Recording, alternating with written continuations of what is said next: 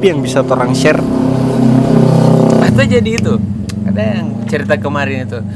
Insya Allah. Jadi tipe guru.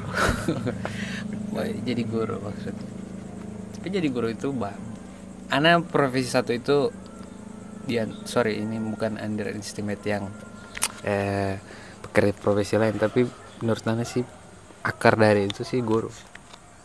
Tanpa bukan koprol atau ini juga sih tapi kalau dari tidak begitu ya siapa lu sekarang asik. Tanpa ada guru orang tidak bisa ngapa-ngapain ya.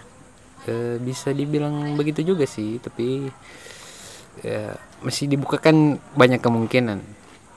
Tergantung jalur otodidak.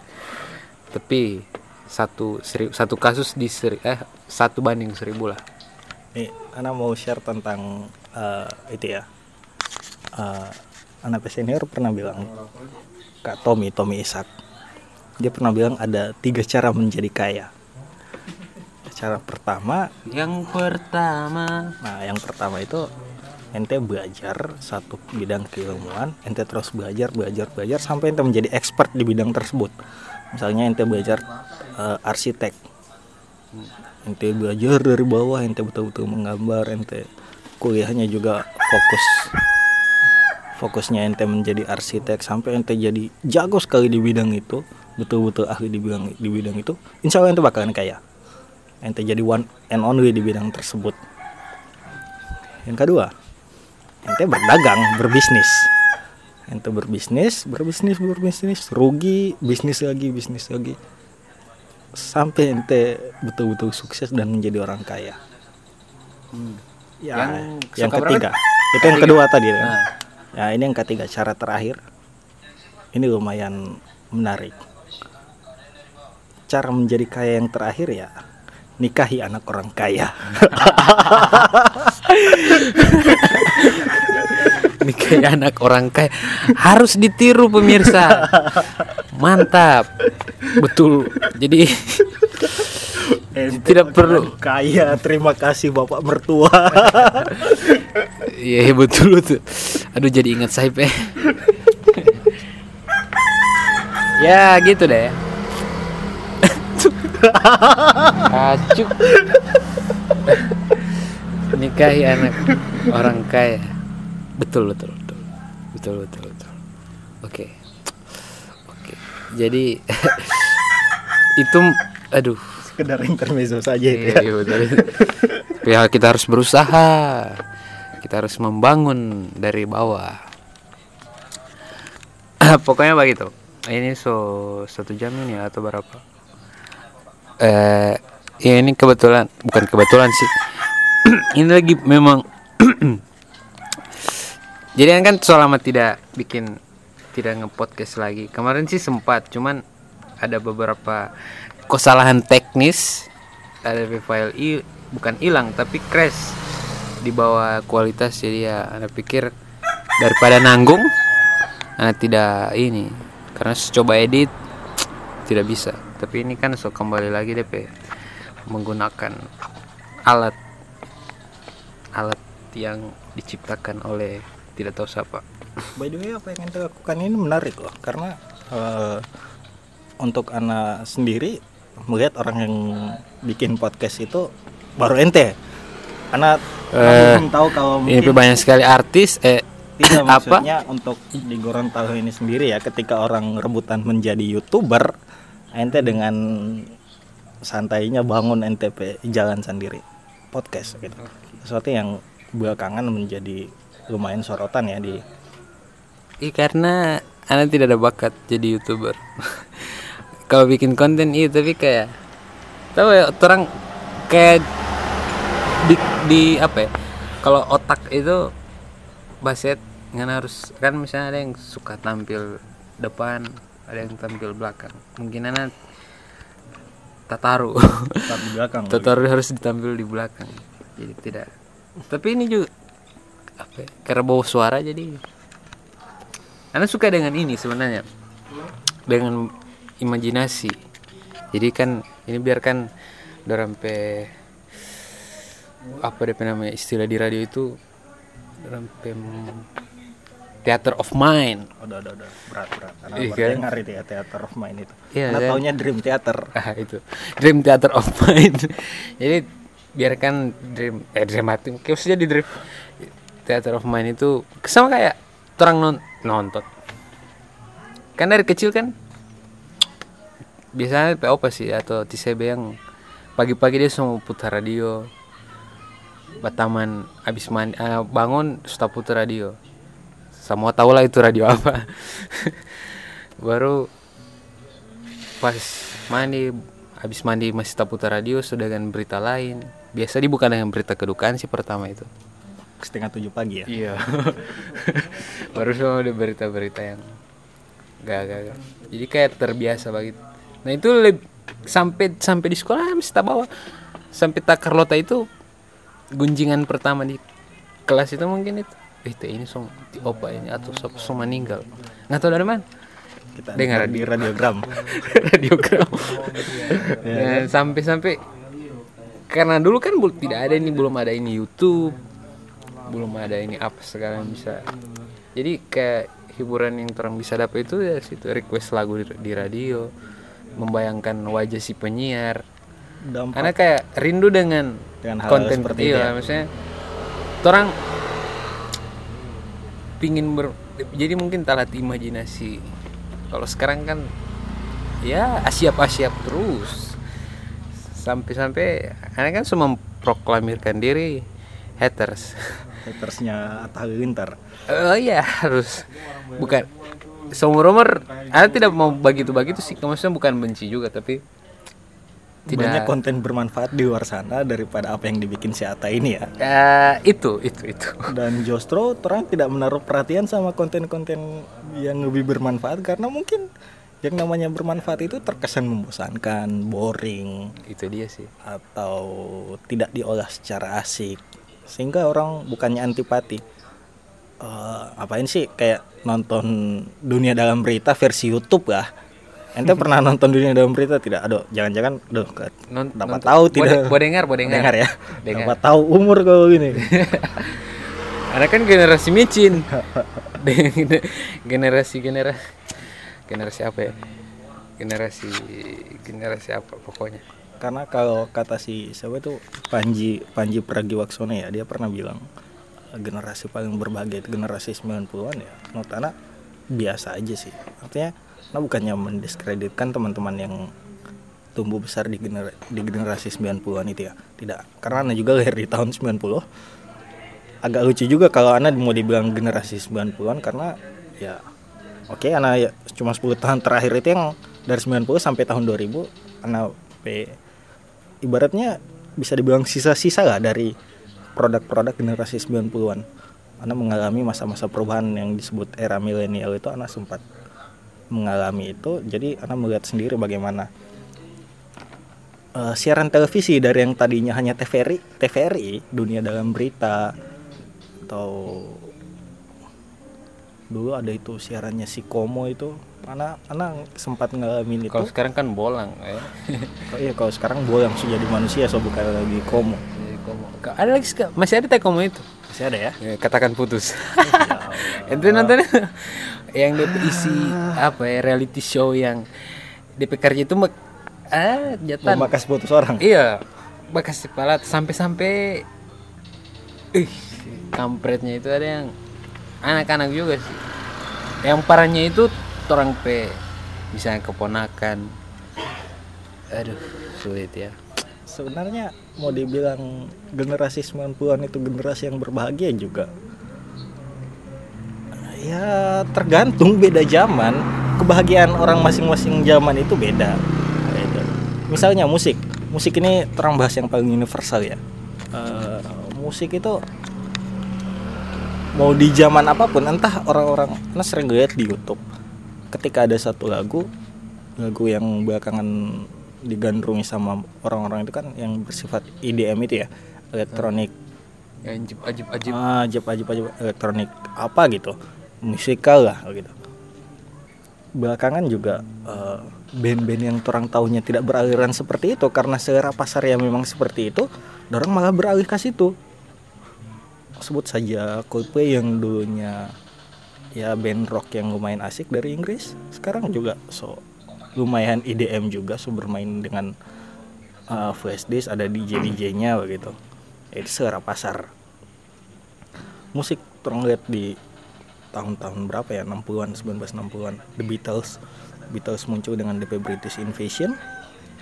Oh sampai itu Amerika disebut British Invasion gara-gara itu Amerika diserang habis-habisan sama musik-musik Inggris cara cara jajanya itu lewat karya ya? Ya. Memang lewat seperti itu cara menjajinya tidak bisa bukan tidak pakai pistol tapi pakai karya mantap. Gila kok anak kalau nonton lagi DP konser-konser itu ya lihat lagi DP konser kayak wow The Beatles itu sampai John Lennon bilang The Beatles itu lebih besar daripada Yesus Kristus uh makanya dia dibunuh gara-gara perkataannya itu ya kan saking ekstremis juga sih. Tapi memang kepopuleran musik sampai seperti itu baru. ya musik lah yang paling universal yang bisa orang bahas. Maka itu kalau ini ini ini agak-agak sudah mulai mulai harus tinggikan kalian kalian kalian pe pikiran jangan sumbu pendek. Anda bisa bilang bagian yang bisa eh, kafir kafirkan permusikan aduh sulit oh iya pokoknya begitu bicara kafir mengkafirkan ya Hmm. dulu orang kecil ente sempat nonton Jini oh Jini tidak Oh, Jini, oh, hafal, hafal. Sampai dia ganti pemeran saja, anak bisa. dari Indra Brukman sampai siapa gitu anak lupa. pokoknya Jin dan Jun, uh, oh Jin dan Jun masa kecil. Apa Tuyul dan Bayul? Ada. orang dulu. Nonton Jini oh Jini DP pusat kelihatan DP udel itu kelihatan. Kon kostumnya Jini itu kan lumayan seksi ya. Tapi terang asik-asik saja begitu Iya sih, tidak kalau dulu aneh tidak terpikiran kalau ini kalau ini Iya, negatif bisa. ini. Itu bisa ada menimbulkan hasrat coli itu gitu kan. Tidak aduh tidak ada. Nanti sekarang mungkin. Oh iya so. Apa ya se- sebegitunya kita kecil lalu itu bisa terkontaminasi dengan ya tahu ya. Sekarang kan orang lihat siaran seperti itu di televisi muncul petisi di di mana mau sebar petisi online. Ini yang seru. Soal petisi-petisi. Mungkin eh, eh, oke terang bisa sentil-sentil juga tapi ya, akhir-akhir ini lagi gara-gara keterbukaan informasi. Ada ada sempat teh ini sutradara dia teh Angga Sasongko. Dia dia pernah dia kalau anak saya ingatan dia dia sempat singgung soal petisi-petisi gitu. Kan film-film sekarang lagi di bredel Hmm, oke. Soal konten film yang tidak bisa apalah tidak se, se- kalau anak indie bilang eh kampret weh. Anak indie yang Gorontalo bilang weh teh deh. Itu anak indie Gorontalo.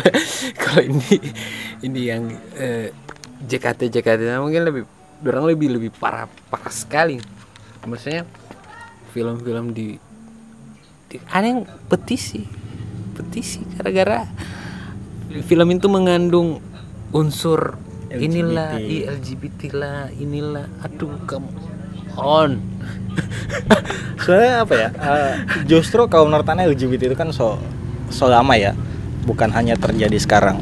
Itu orang bicara dari dari zaman Nabi Lut saja so ada itu LGBT. Cuma ya mungkin mungkin benar ya. Terampil masyarakat ini bisa dibilang masyarakat yang munafik. Munafik dalam artian di satu sisi terang menentang hal tersebut, di sisi lain terang menikmati hal tersebut. Standar ganda kan? standar ganda kalau di atas ganda apa lagi tidak ada ya Ya ada kalau motor itu istawana DP standar bu sampai dua. Standar ganda itu. Ada ganda putri putra. Ganda campuran nah. sedangkan ganda campuran saja ada yang campur. Eh? Makanya anak namanya ya iya lah kalau memang kalau memang konten Tapi itu anda, anda semua warning duluan ini topik sudah mulai bergeser ya. Tadi kalau orang bicara uh, volunteer tentang berkomunitas salah satu mungkin salah satu karena topik interaksi di komunitas itu menurut anda tidak akan pernah habis. Ap- apa ya? Tidak pernah membosan karena ada yang terambekeng bukan interaksi apa ya pokoknya. Begitu. Jadi ini eh, teman-teman yang mungkin sumbu pendek pilih sumbu panjang. Supaya lama bakar supaya lama. Eh lama. Jadi kasih panjang dulu deh sumbu baru terang asik mungkin. Kalau nggak mau skip boleh olo. Ah oke lanjut. Bagaimana? Sudah uh, anak pribadi mau dibilang liberal juga tidak liberal sekali ya. Itu. Karena masih punya masih punya standar moralnya orang begitu. Cuma melihat orang tidak bisa tutup mata dengan pergaulan yang terjadi sekarang. Ayolah di sana ada orang yang mati-matian berusaha punya anak di sisi lain anak-anak SMA dengan gampangnya membuang anak. Anak-anak SMP dengan gampangnya membunuh orang hasil hasil kandungan. It's it's reality. Itu hal-hal yang terjadi di masyarakat. Kesannya sampai anak ini jokes yang lumayan kasar sih. Uh, anak ini jokes ini jokes. anak senior pernah bilang pernah bilang sama sama salah satu orang tua calon mahasiswa dia bilangnya gini uh, kayak dia di tetangganya si orang tua ini ngeluh karena sampai sekarang belum dikaruniai anak sempat curhat lah sampai sekarang belum dibikin anak belum dikasih anak sama Allah. Terus anak senior dengan gampangnya bilang Om kalau so tidak mau dapat susah mau bikin coba bikin di bawah pohon pisang coba bikin di semak-semak hal-hal yang dilakukan sama anak-anak SMP sama anak-anak SMA itu terjadi. Itu jadi. Kusuk-kusuk. Atau bikin di kusuk-kusuk di mana gitu. Bikin di kusuk-kusuk jadi. Jadi mungkin ini cuma masalah tampak. Atau mungkin feel DP feel begitu outdoor dan indoor. Dorang punya yang ada bikin di kusuk-kusuk jadi. Masa ada bikin di kamar tidak mau jadi begitu yang ah gitu deh itu. yang ada persiapan uh. yang ada ada ada pesta-pesta. Next time kalau saya tidak mau dapat, coba bikin di kusuk-kusuk. Karena itu masalahnya bukan di situ. Tapi Cuma, itu kayak realita yang terjadi. Iya. Lagi tidak bisa eh, kesimpulannya bukan itu. Karena ini jokes. Jadi harus Jadi jangan terlalu iya, jangan terlalu ditanggapi serius ya. Cuma memang kenyataannya di satu sisi ya itu menyentuh kenyataan bahwasanya ya pergaulan bebas, seks bebas itu terjadi di di masyarakat kita. Uh, Ana jujur sekarang lagi ngajar di salah satu pondok pesantren dengan melihat betapa orang tua itu sangat ingin anaknya masuk ke pesantren. Because why? Di zamannya anak waktu anak jadi santri, pesantren itu kayak pilihan terakhir. Nanti saya tidak mau dapat sekolah di mana, ya di sana masuk pesantren gitu.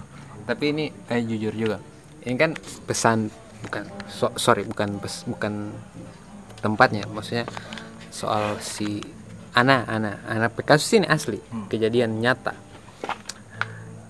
Pesantren itu kan bisa dibilang punya afiliasi di keluarga kan. Pesantren yang ente tempat ini sekarang. Hmm. bisa dibilang begitu.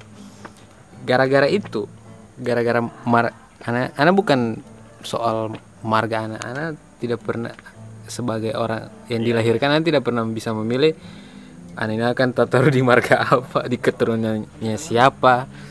Tapi ya yang harus uh, tetap syukur itu. Baru anak lalu pernah ada wacana sampai itu harus ke situ. Mau dimasukin ke situ aja. iya.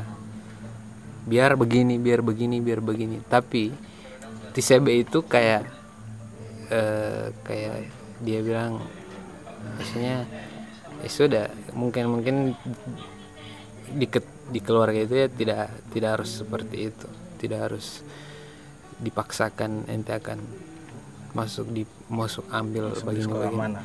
Iya maksudnya begitu. Tapi ada satu poin satu poin yang anak bisa bisa dibilang jujur bisa sesalkan juga sih.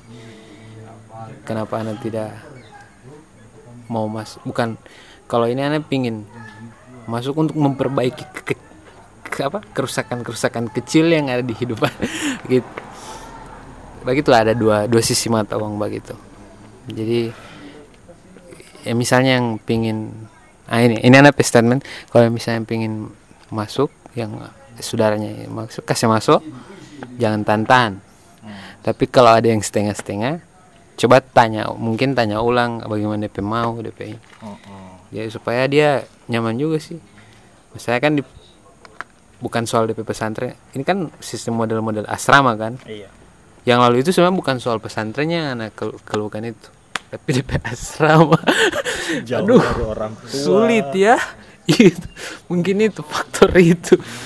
Faktor kasih sayang orang tua yang memang Ya, ini. kurang dapat di rumah iya aduh apa yang ada di sulit. rumah. Nah itu yang tiba-tiba ente harus masuk pesantren yang ah, tiba pas saat mandiri. Ih, padahal kita itu masuk pesantren supaya kita lebih mandiri. Wah memang penyesalan itu. Semakin dalam dan sedih. Ya, bagaimana tadi? Eh, gini ya. Orang tua yang mau kasih masuk DP anak ke pesantren? Ya it's okay silakan. Cuma kalau memang tapi tanyakan lagi keinginan si anak. Si anak betul-betul tidak eh, pengen masuk ke situ atau ini hanya sebatas kemauan orang tua yang berusaha ditanamkan ke si anak. Ayolah. Eh, anak juga punya kebebasan berpikir sendiri ya mungkin oke mungkin anda tidak punya kapasitas untuk bilang hal ini ya karena anda juga sampai sekarang belum nikah belum punya anak cuman jelas pengetahuan anak eh, anak kecil itu punya kebebasannya sendiri, kebebasan pendapatnya sendiri, keinginannya dia seperti apa, dia mau jadi apa, jangan sampai eh, terkekang dengan terkekang dengan kemauan orang tua tadi. Hanya karena melihat eh, tetangga si A masuk pesantren dan anaknya jadi baik, orang juga pengen, oh iya, kenapa anak juga masuk masuk pesantren ah begitu, supaya dia jadi baik. Ayolah menjadi baik tidak hanya tidak harus masuk pesantren kan. Terang sebagai orang tua juga bisa Terus mendidik. masuk di pesantren itu kira-kira dari SD tingkatan paling bawah itu apa? SD SMP kalau pesantrennya anak itu dari SMP ya. Oh. Dari SMP sampai SMA nah eh, di zaman zamannya anak nyantri di tahun 2002 2002 anak jadi santri 1 SMA sanawiyah itu jumlah orang yang masuk pesantren itu sedikit. Even anak angkatan pun terhitung banyak dengan angkatan mencapai 150 lebih. Itu sudah dibilang banyak. Tapi yang namanya sekolah pasti kalau ada. ibu, ibu hikam angkatan ke berapa dia? Sangkatan sama anak. Oh. Hikmah itu sangkatan sama anak. Eh, jadi kalau kalau ada upacara kan ada kan? Upacara alhamdulillah masih ada. Oh, berarti ada satu oh, satu minggu kumpul. Satu ah. Cuma yang jelas orang eh, di pesantren itu tidak gampang melihat putri tidak gampang dalam artian oh ya cewek itu kayak wow. Ya, tidak gampang colek-colek ya, bagus lebih terkontrol lah begitu. Karena ya orang pe- pergaulan ya sesama santri. Yang cowok ya dengan yang cowok yang cewek dengan yang cewek dulu itu orang masuk pesantren kayak pilihan terakhir. Sekarang orang-orang tua sekarang itu kayak so tidak mampu karena bukannya bilang orang tidak mampu mendidik DP anak ya cuma karena di satu sisi dunia menuntut orang untuk serba cepat. Hmm. sehingga eh, untuk masalah pendidikan anak pun kayak orang ini makin sini kayak semakin kapitalis meng- menghabiskan terang pe waktu untuk mencari duit cari duit cari duit cari duit sehingga pendidikan buat anak pun terang terang serahkan sama orang lain. Makanya seakan-akan terang bukan dibilang lepas tangan ya tapi kayak oh kalau kita anak kita kasih masuk di SMP nanti atau sekolah biasa sekolah reguler mungkin kita anak semua jadi kurang ajar. Pergaulan Bang kan semakin malam. Biar tengah malam tiap malam atau bisa jadi ya kalau bukan di masa pubernya masa-masa kelas 2 kelas 3 SMP atau kusu-kusu ah, ya kalau bukan menghamili ya dihamili Iya, iya. Nah, makanya jawaban jawaban dari orang tua akan kegelisahan tersebut masukkan anak ke pesantren. Jika sekarang itu orang rebutan loh. Terus terang anak anak saja kaget.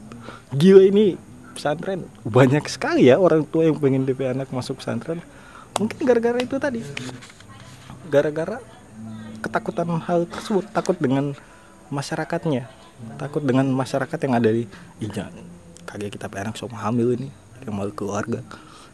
Kaget kita pe anak mbak kasih hamil ini. Bikin mau keluarga juga. Ya, eh, kasus, kasus itu kalau saya pernah kejadian di tahun kemarin sih. Kerabat juga begitu. Dia sampaikan di pesantren yang keluarga itu. Sampai ada rank sistem ranking ya kalau tidak salah itu. Harus ada begini-begini. Dan pada kenyataannya dia tidak lolos. Nah kalau untuk begitu. perekrutan itu sendiri anak bukan termasuk orang yang dibagi di panitianya ya. Jadi anak kurang tahu anak kurang punya kapasitas untuk menjawab hal tersebut. Cuma setahu anak kalau sekarang eh, ente pengen masukin NTP anak di pesantren ya ya minimal dia bisa ngaji begitu. Hmm. supaya ketika eh, hidup di pesantren dia tidak tidak kaget lagi dengan hal hal seperti itu. Karena di pesantren sendiri ente bakalan dituntut untuk itu itu itu maksudnya kenapa? Dari dimulai dari SMP juga kan? Iya. bisa di supaya ada dasar-dasarnya sudah di SD tinggal di di permantap permantap pada Sehingga- dasarnya. sih begitu Iya, sehingga bisa. Mana bukannya bilang di pesantren ente bakalan lebih liberal ya, tidak. Cuma ente di pesantren bakalan lebih toleran, bisa dibilang toleran. Toleran dengan keadaan eh, keadaan di masyarakat sekarang. Ente mungkin bisa jadi termasuk orang yang bakalan orang-orang yang bersumbu panjang alhamdulillah kalau kalau jadi orang yang seperti itu.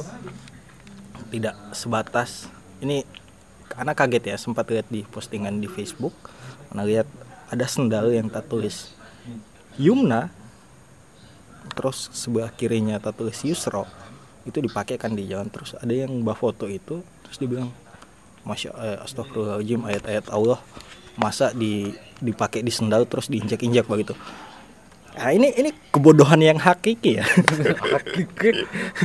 ini sebuah kebodohan yang nyata. Karena yumna itu artinya kanan dan yusra itu artinya kiri.